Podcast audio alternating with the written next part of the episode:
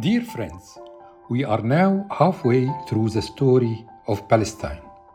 Over the previous two episodes of this series, we traveled with time for more than a century. Starting with the waves of Jewish migration to Palestine, the Zionist movement, Balfour Declaration, and its consequences, the Great Arab Revolution, the terrorist crimes of the Zionist gangs, followed by the declaration of the State of Israel.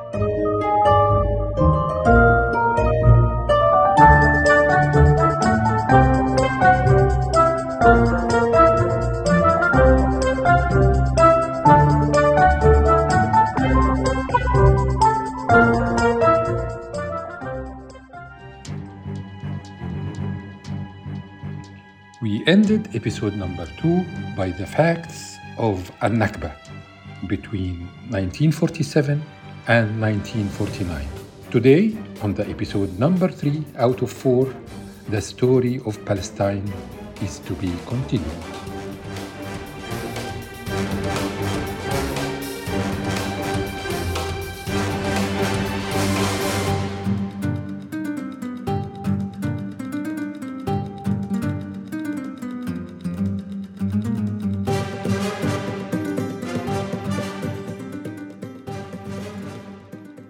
The war broke out in 1948, the United Nations decided to play its role in trying to cease fire.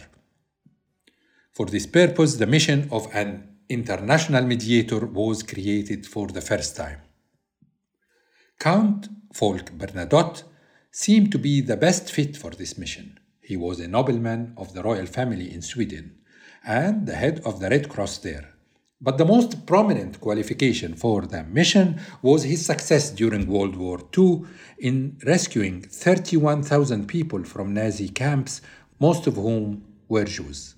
Bernadotte arrived in Palestine only four days after the outbreak of the war, and indeed succeeded in establishing a temporary ceasefire on June the 11th.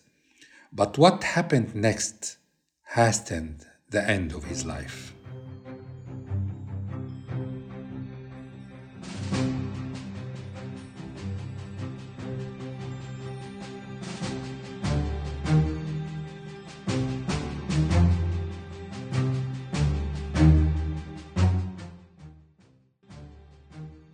The man had a vision that he believed was fair and could reach agreement between all parties, establishing a federation between Arabs and Jews on the original borders of Palestine.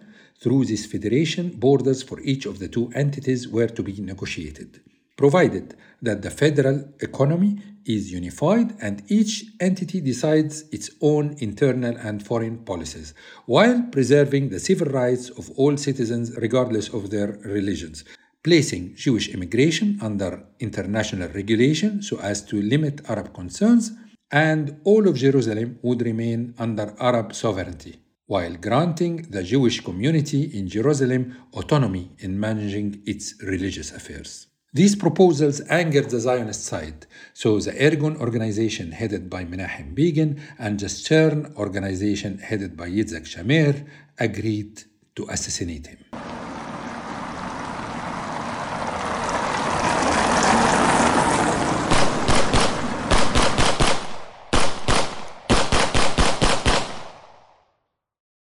The assassination was carried out on September 17, 1948, in the western sector of Jerusalem when four people opened fire on Bernadotte's car.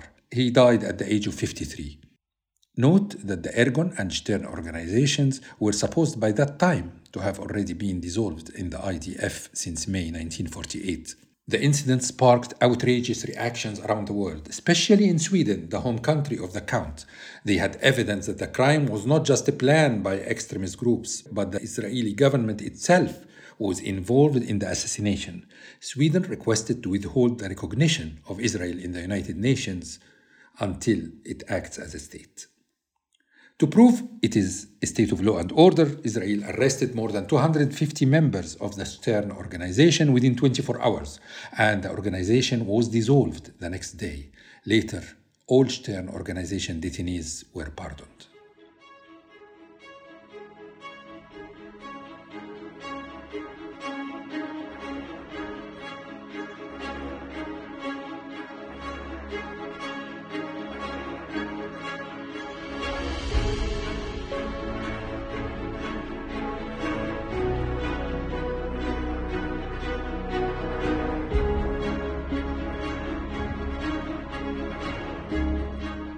Since the 1948 war, Israel has fought several wars against the Arabs, the first of which was the 1956 war, which had nothing to do with it at all, as it was a conflict between Britain and France on one side against Egypt on the other side, around the Suez Canal concession.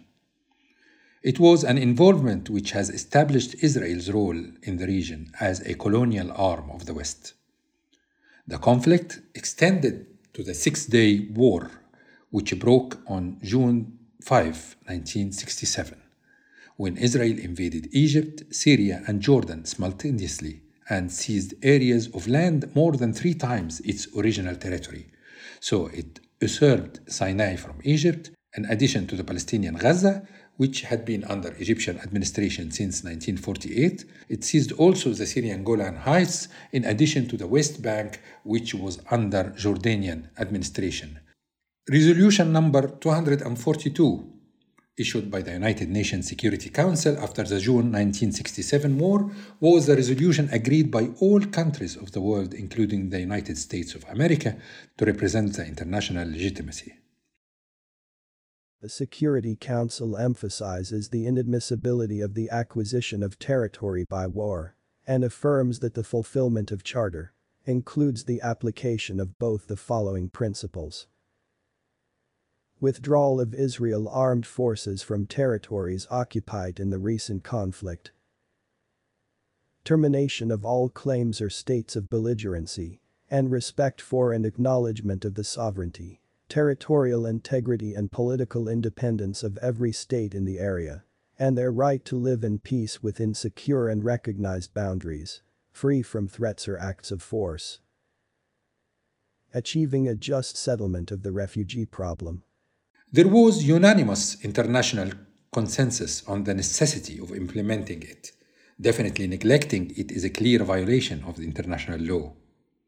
However, until this moment, after 56 years, Israel has refrained from implementing this resolution, and not a single global power nor the collective forces of the international community have dared to take any deterrent or punitive measure nor exerted any kind of pressure against the aggressor power to implement it. Not only that, but over the course of half a century, Israel has taken unilateral measures of illegal settlement and Judaization against all international laws in order to make the implementation of this decision impossible in the future.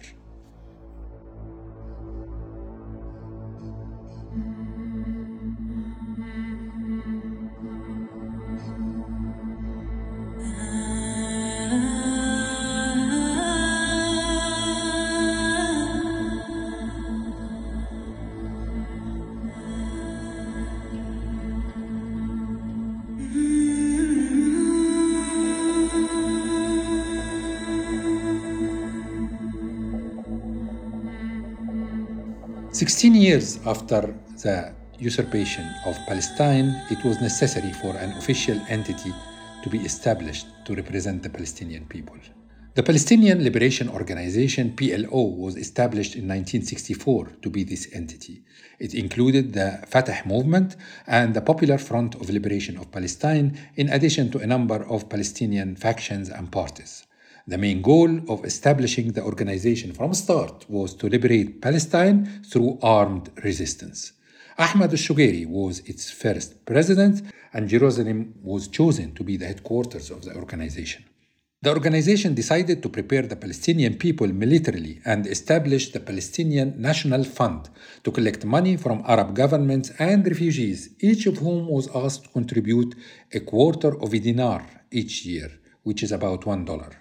After the June 1967 war, the PLO guerrillas began to operate against Israel, which led to a clash between the Israeli army on one hand and the Jordanian army with the guerrillas on the other hand. The battle took place on March 21, 1968.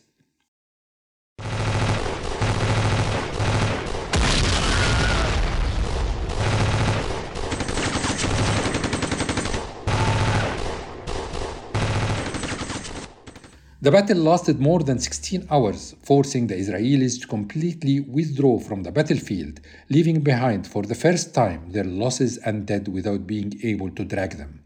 In this battle, the Jordanian forces were able to achieve victory and prevent Israel from achieving its goals.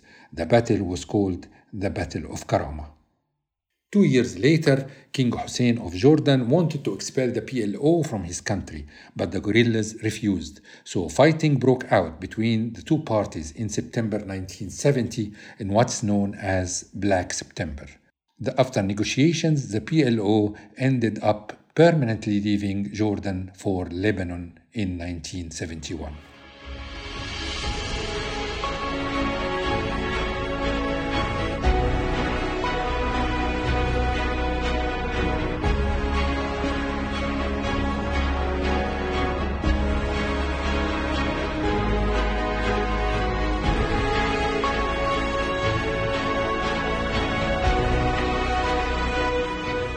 The presence of PLO in Lebanon contributed to the outbreak of the civil war there in 1975.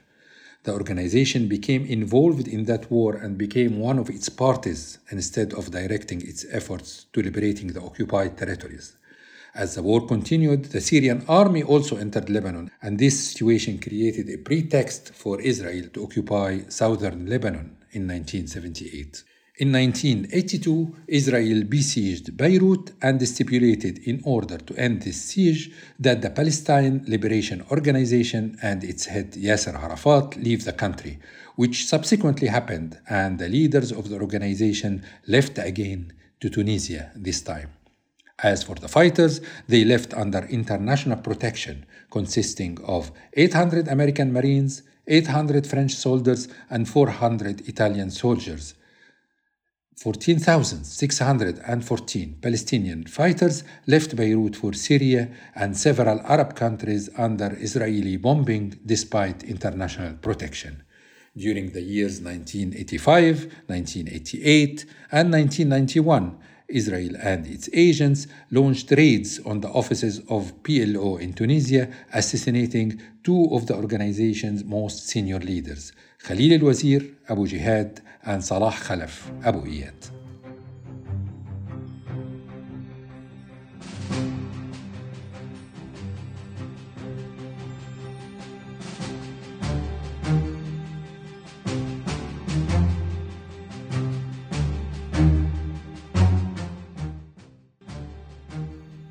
1988, the PLO officially adopted the option of two states in historic Palestine, accepting living side by side with Israel in comprehensive peace that guarantees the return of refugees and the independence of Palestinians in the territories occupied in 1967, with East Jerusalem as their capital.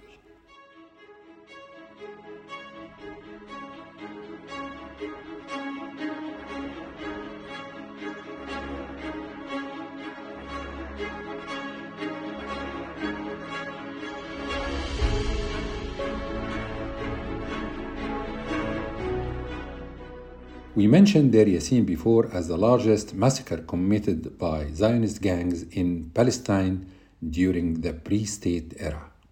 But the massacres committed by Zionism during the state era of Israel were even uglier and more criminal. The most horrific of Israeli massacres was Sabra and Shatila in 1982, in which more than 3,000 people were killed.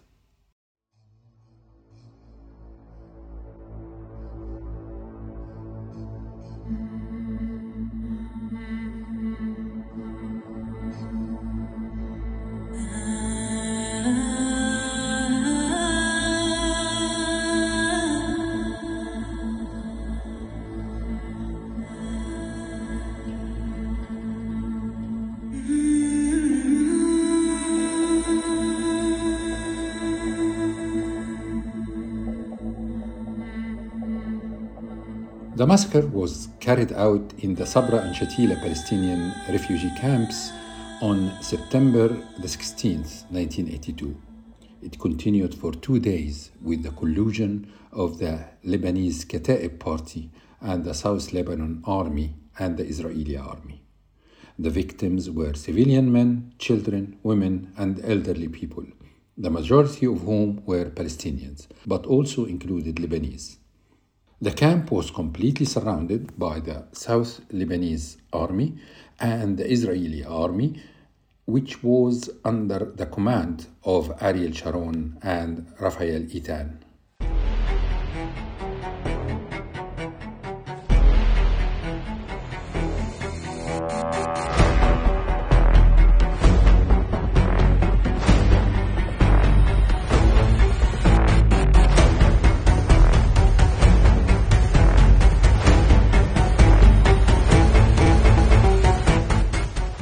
Groups, each consisting of 50 armed men, entered the camp under the pretext of the presence of 1,500 Palestinian armed men inside. And the Lebanese Maronite groups closed in on the camp residents and began relentlessly killing three and four year old children. Pregnant women had their stomachs cut open.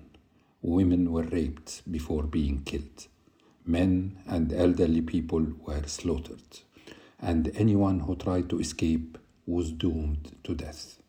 48 hours of continuous killing, and the camp sky was covered with flares.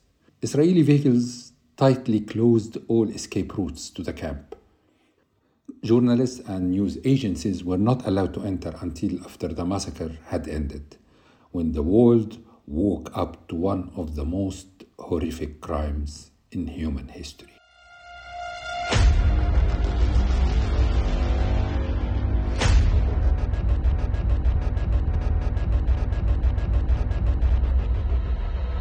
The Israeli government ordered the Supreme Court to form a special investigation committee called the Kahan Commission. On February 7, 1983, the commission announced the results of the investigation and decided that Israeli Defense Minister Ariel Sharon bore direct responsibility for the massacre. The committee also criticized Prime Minister Menachem Begin, Foreign Minister Yitzhak Shamir, all previous members of the Zionist gangs, Army Chief of Staff Rafael Eitan, and intelligence leaders.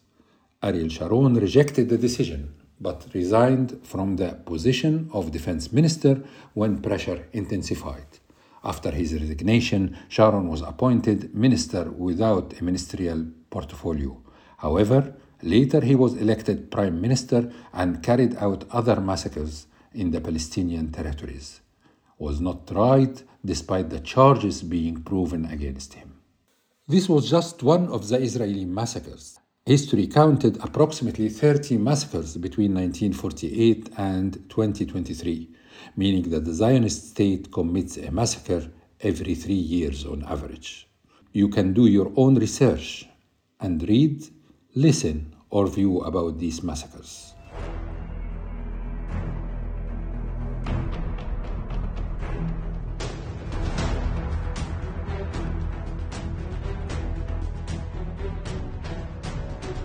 Al Dawaima massacre in 1948 when an Israeli battalion attacked the village of Al Dawaima, searched the houses one by one, and killed everyone they found there a man, a woman, a child, and even killed 75 elderly people who took refuge in the village mosque. Kafr Qasim massacre.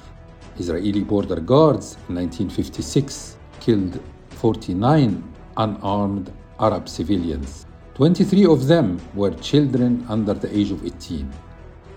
Khan Yunis, two massacres in 1956, killing in total 525 Palestinians in refugee camps. Rafah massacre, also in 1956. The Shakid massacre, when an IDF unit led by Benjamin Ben-Eliezer, later Minister of Infrastructure, killed 250 Egyptians prisoners of war in Sinai after the end of fighting in 1967 war. In another similar incident, a mass grave of about 80 Egyptian soldiers was found. More than 20 of them were burned alive. Al Arish massacre, where a special unit killed about 300 Egyptian and Palestinian soldiers from the Palestine Liberation Army forces after they surrendered in 1967. The massacre of Abu Za'bal factory in Egypt in 1970, when 1,300 civilian workers inside were bombed. 70 of them were killed and 69 wounded. Bahr al-Bakr massacre in the same year, 1970, when five Phantom planes bombed a primary school in Sharqiya, Egypt, killing 30 children and injuring 50 more. Yusuf Tekoah, Israel's representative to the United Nations, sent a letter to the international organization in which he wrote The primary school students were wearing khaki uniforms, and they were receiving military training. They were members of a military sabotage organization. He was talking there about primary school children, 6 to 11 years old. Al Aqsa, three massacres in 1990, 1996, and the year 2000. The Ibrahimi Mosque in Hebron, where 29 people were killed and 125 others were injured at the time of dawn prayer in the holy month of Ramadan. It was carried out by Baruch Goldstein, a Jewish doctor who opened fire on Muslim worshippers. Goldstein had trained to carry out his mission inside Zionist camps within occupied Palestine. Israeli occupation soldiers closed the gates of the mosque to prevent worshippers from escape. Two Qana massacres against the Lebanese in 1996, where the Israeli occupation forces bombed the headquarters of UNIFIL, United Nations forces in Lebanon after civilians took refuge there to escape the Grapes of Wrath operation launched by Israel against Lebanon, killing 106 civilians and wounding more than 100 more. The second Qana massacre, 10 years later, during the Israeli aggression against Lebanon, killed 55 people residing in a three story building, large number of whom were young children.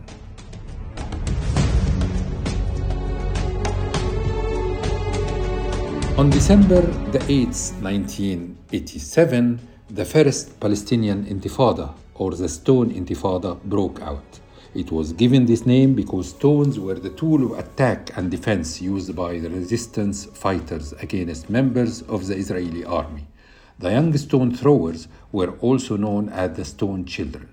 The Intifada was a form of spontaneous popular Palestinian protest against the miserable general situation in the camps the spread of unemployment, the insult to national feeling, and the daily oppression practiced by the Israeli occupation authorities against the Palestinians. The Intifada continued to be organized by Hamas, the Palestinian Unified National Leadership, and the Palestinian Liberation Organization later. The uprising began in Jabalia, in the Gaza Strip. Then it moved to all cities, villages, and camps of Palestine.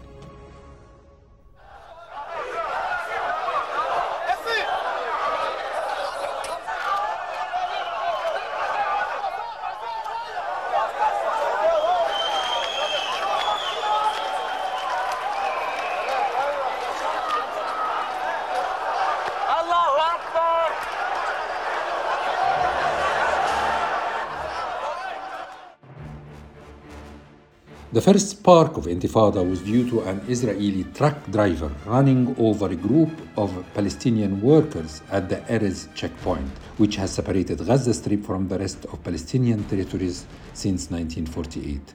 The next day, during the funeral of victims, a spontaneous protest broke out during which the crowd threw stones at the Israeli army in Jabalia. The soldiers opened fire.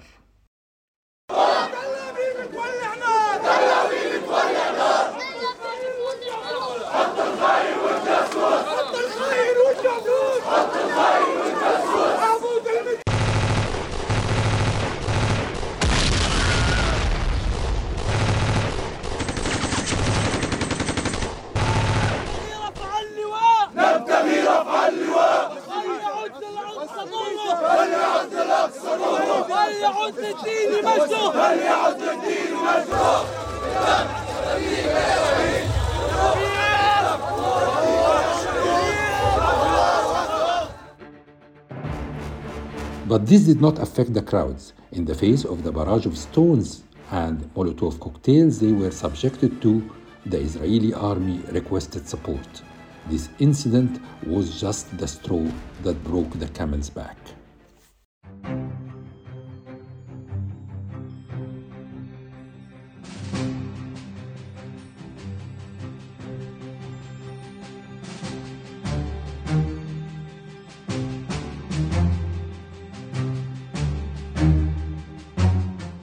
The Intifada reached its highest level in February 1988 when an Israeli photographer published pictures of soldiers breaking the arms of unarmed Palestinians with stones in Nablus. These pictures circulated around the world, arousing feelings of sympathy for the Palestinians. As for Israel, it has undertaken a policy to marginalize the PLO and create tension between Hamas and other factions. The uprising was generally led by children and young people who were throwing stones at the soldiers and erecting barricades made of burning tires. They also gathered around mosques and challenged the army to disperse them.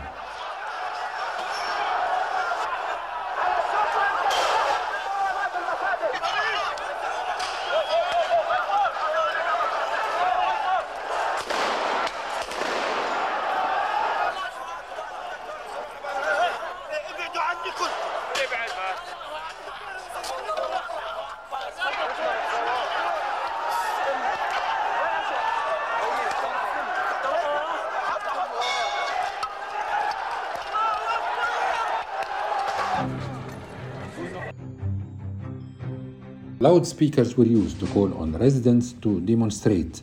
Leaflets were distributed, and graffiti was written on the walls to revolt against the Israeli occupation army. During the first year of the uprising, 1,600 curfews were counted, including 118 for a period of no less than five days. The entire population of Gaza Strip lived under a curfew, as did at least 80% of Arab villages and cities in the West Bank. Palestinian universities and schools were also closed. 140 leaders of the Intifada were deported and a number of homes were demolished. Although the Intifada was known for its peaceful nature, armed activity was present at a rate of 15%, and it mainly targeted Israeli soldiers, settlers, and their collaborators. Hamas, as the leading force of the uprising, did not differentiate between a soldier and a settler, declaring that the settler is a soldier because he occupies land and carries a weapon to fight the Palestinians. The Intifada continued to rage for four years, then began to gradually calm down over the course of two years until it stopped completely with the signing of the Oslo Accords between Israel and the Palestinian Liberation Organization in 1993.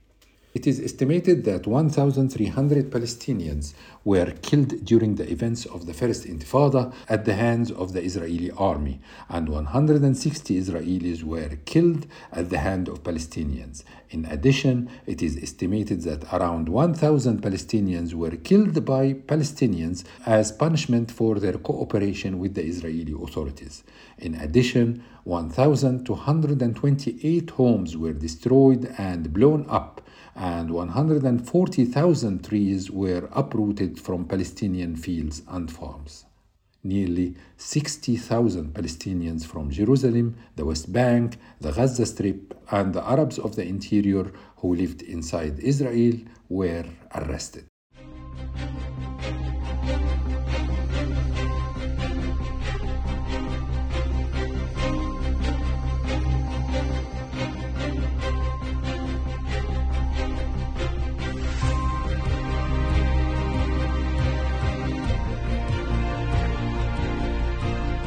Ahmad Yassin was known as one of the prominent Islamic scholars in Palestine. He was as well the founder and president of the largest Islamic university there, the Islamic Complex in Gaza. He had an accident in his youth while practicing sports, which resulted in complete paralysis of all four limbs. When the Intifada broke out in the Gaza Strip, Ahmed Yassin's students asked him to participate. But he didn't want to confront Israel militarily because he considered that any confrontation with the Hebrew state would be costly. Yet he changed his point of view weeks after the start of the uprising, and leaflets calling for joining the movement began to be distributed. The leaflets were signed in the name of the Islamic Resistance Movement, Hamas, a name which was unknown at that time, but gradually it began to gain enormous popularity, which enabled it to lead the Palestinian uprisings one after the other and then reach power in Gaza through democratic elections. It had the majority according to the last legislative elections held at the level of all Palestine in 2006. Hamas does not believe in any right for the Zionists to occupy Palestine, but it does not mind accepting temporarily as a truce the 1967 borders according to Resolution 242 mentioned previously, but without recognizing the new arrivals of Zionists to historic Palestine. Hamas considers its conflict with the Israeli occupation a conflict of existence and not border conflict. It views Israel as part of the Western Zionist colonial project aimed at tearing apart the Islamic world displacing Palestinians from their homes and tearing apart the unity of the Arab world. Besides, Hamas is active in Islamic religious and political awareness, providing health, social, student, and academic services to the Palestinians of all sects. With the beginning of Al Aqsa Intifada, the second Intifada in September 2000, Hamas developed its military arm, transforming it from small groups into a real army under military formations, starting with the soldier and the group, passing through the faction, and ending with battalion, brigade, and column. The first missile was launched, a locally made Qassam 1 in October 2001. This was followed by significant development in Qassam industries until it was able to manufacture the first Arab military reconnaissance plane, Ababil. Then the military apparatus was able to manufacture missiles with a high explosive capacity, which they used during the Gaza War Battle of Al Furqan in 2008. In the Battle of the Shale Stones, Al Qassam brigades bombed for the first time the city of Jerusalem and Tel Aviv with a homemade missile called the M75 and in the Battle of the Destructive Storm, it demonstrated more of its developments, such as the R 160 missile with a range reaching deep into Israel to Haifa and Nahariya. To overcome the Israeli fortifications and the Israeli Air Force, Hamas created a deterrent defensive and offensive fortification, combat and defensive tunnels. They began digging tunnels in early 2003 and later expanded its work to build the largest underground defensive and offensive fortress, which posed a serious threat to the Israeli army. Israel was quick to think of solutions to destroy these tunnels, but their great depths underground and their complex maps constituted an obstacle. Hamas is expending enormous energy on this strategy 24 hours a day throughout the year. Although the relationship between Hamas and the Palestinian Authority often deteriorates, the dialogue between them rarely stops. The situation between both parties developed into violence up to the stage of division between Hamas movement, the bearer of the resistance project, and Fatah movement, the carrier of the peaceful negotiating project. Some countries around the world classify Hamas as a terrorist organization, including Israel, the United States, Canada, Britain, the European Union, Australia, and Japan. Meanwhile, Russia, China, Switzerland, Norway, Brazil, Turkey, Arab countries, African countries, and most Asian countries do not consider it as a terrorist organization.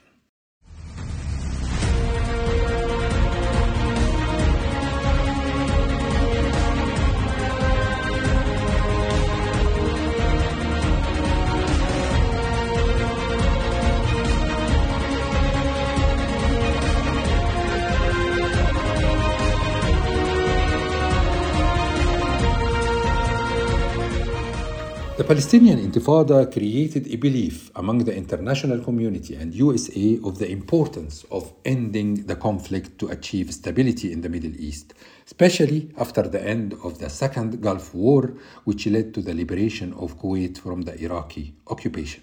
With these intentions, the Madrid conference was arranged, sponsored by the United States, but these arrangements were not easy, as Israel through its prime minister at the time, Yitzhak Shamir, insisted on blackmailing the United States into $11 billion in guaranteed loans before agreeing to attend the conference. Israel claimed that the purpose of those loans was to meet the humanitarian needs of new immigrants to the state. The Zionist lobbies in Washington put high pressure on the American administration to approve these loans, but George Bush Sr. refused to submit to these pressures. Armed with the enormous popularity he gained after his victory in the Gulf War, especially knowing that $400 million in previous loans had all been used to build settlements on the occupied territories. They are by no means humanitarian needs, but rather expansionist ambitions. In the end, Israel relented and the conference was held in Madrid between October the 30th and November the 1st, 1991. The conference was followed by bilateral negotiations between Israel and the joint Jordanian Palestinian delegation, Lebanon, and Syria, respectively. The title of the negotiations was The Principle of Land for Peace Peace for Israel in exchange for the return of the lands it usurped in 1967. The negotiations led to what is known as Oslo Accords, which were signed on September 13, 1993, in Washington. It was named after the capital of Norway, where the secret talks prior to the agreement took place. The Oslo Accords are considered the first direct official agreement between Israel, represented by its then Foreign Minister Shimon Peres, and the Palestinian Liberation Organization, represented by the Secretary of the Executive Committee, Yasser Arafat.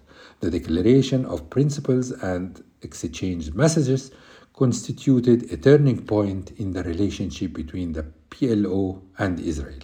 The PLO, through its chairman Yasser Arafat, has committed to the right of the State of Israel to live in peace and security and to reach a solution to all basic issues related to permanent status through negotiations.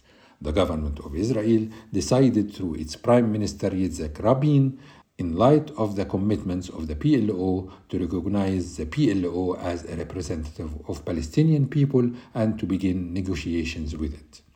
The Declaration of Principles stipulates the establishment of a Palestinian transitional self governing authority, which later became known as the Palestinian National Authority, and an elected legislative council for the Palestinian people in the West Bank and Gaza Strip for a transitional period not exceeding five years and to reach a permanent settlement based on UN Resolution 242 no later than the beginning of the third year of the transitional period. The agreement stipulated that these negotiations would cover the remaining issues, including Jerusalem, refugees, settlements, security arrangements, borders, relations, and cooperation with other neighbors. Hamas, Islamic Jihad, and the Popular Front for the Liberation of Palestine, the Democratic Front for the Liberation of Palestine, and the Palestine Liberation Front objected to the agreement, as it gave the occupation the right to usurp 78% of the land of historic Palestine. Palestinian public figures such as Mahmoud Darwish, Edward Said, Abdel Majid Taya, Muhammad Jihad El Amouri, and Farouk El Qadoumi also opposed the agreement. All subsequent negotiations between Israel and the Palestinian Authority failed, as Israel refused any concessions on any of the files presented, and the achievement was limited to an autonomous authority in the West Bank and Gaza without the Palestinians having a state, nor the return of refugees, nor East Jerusalem, nor stopping the construction of settlements on the occupied territories that continued to be Judaized.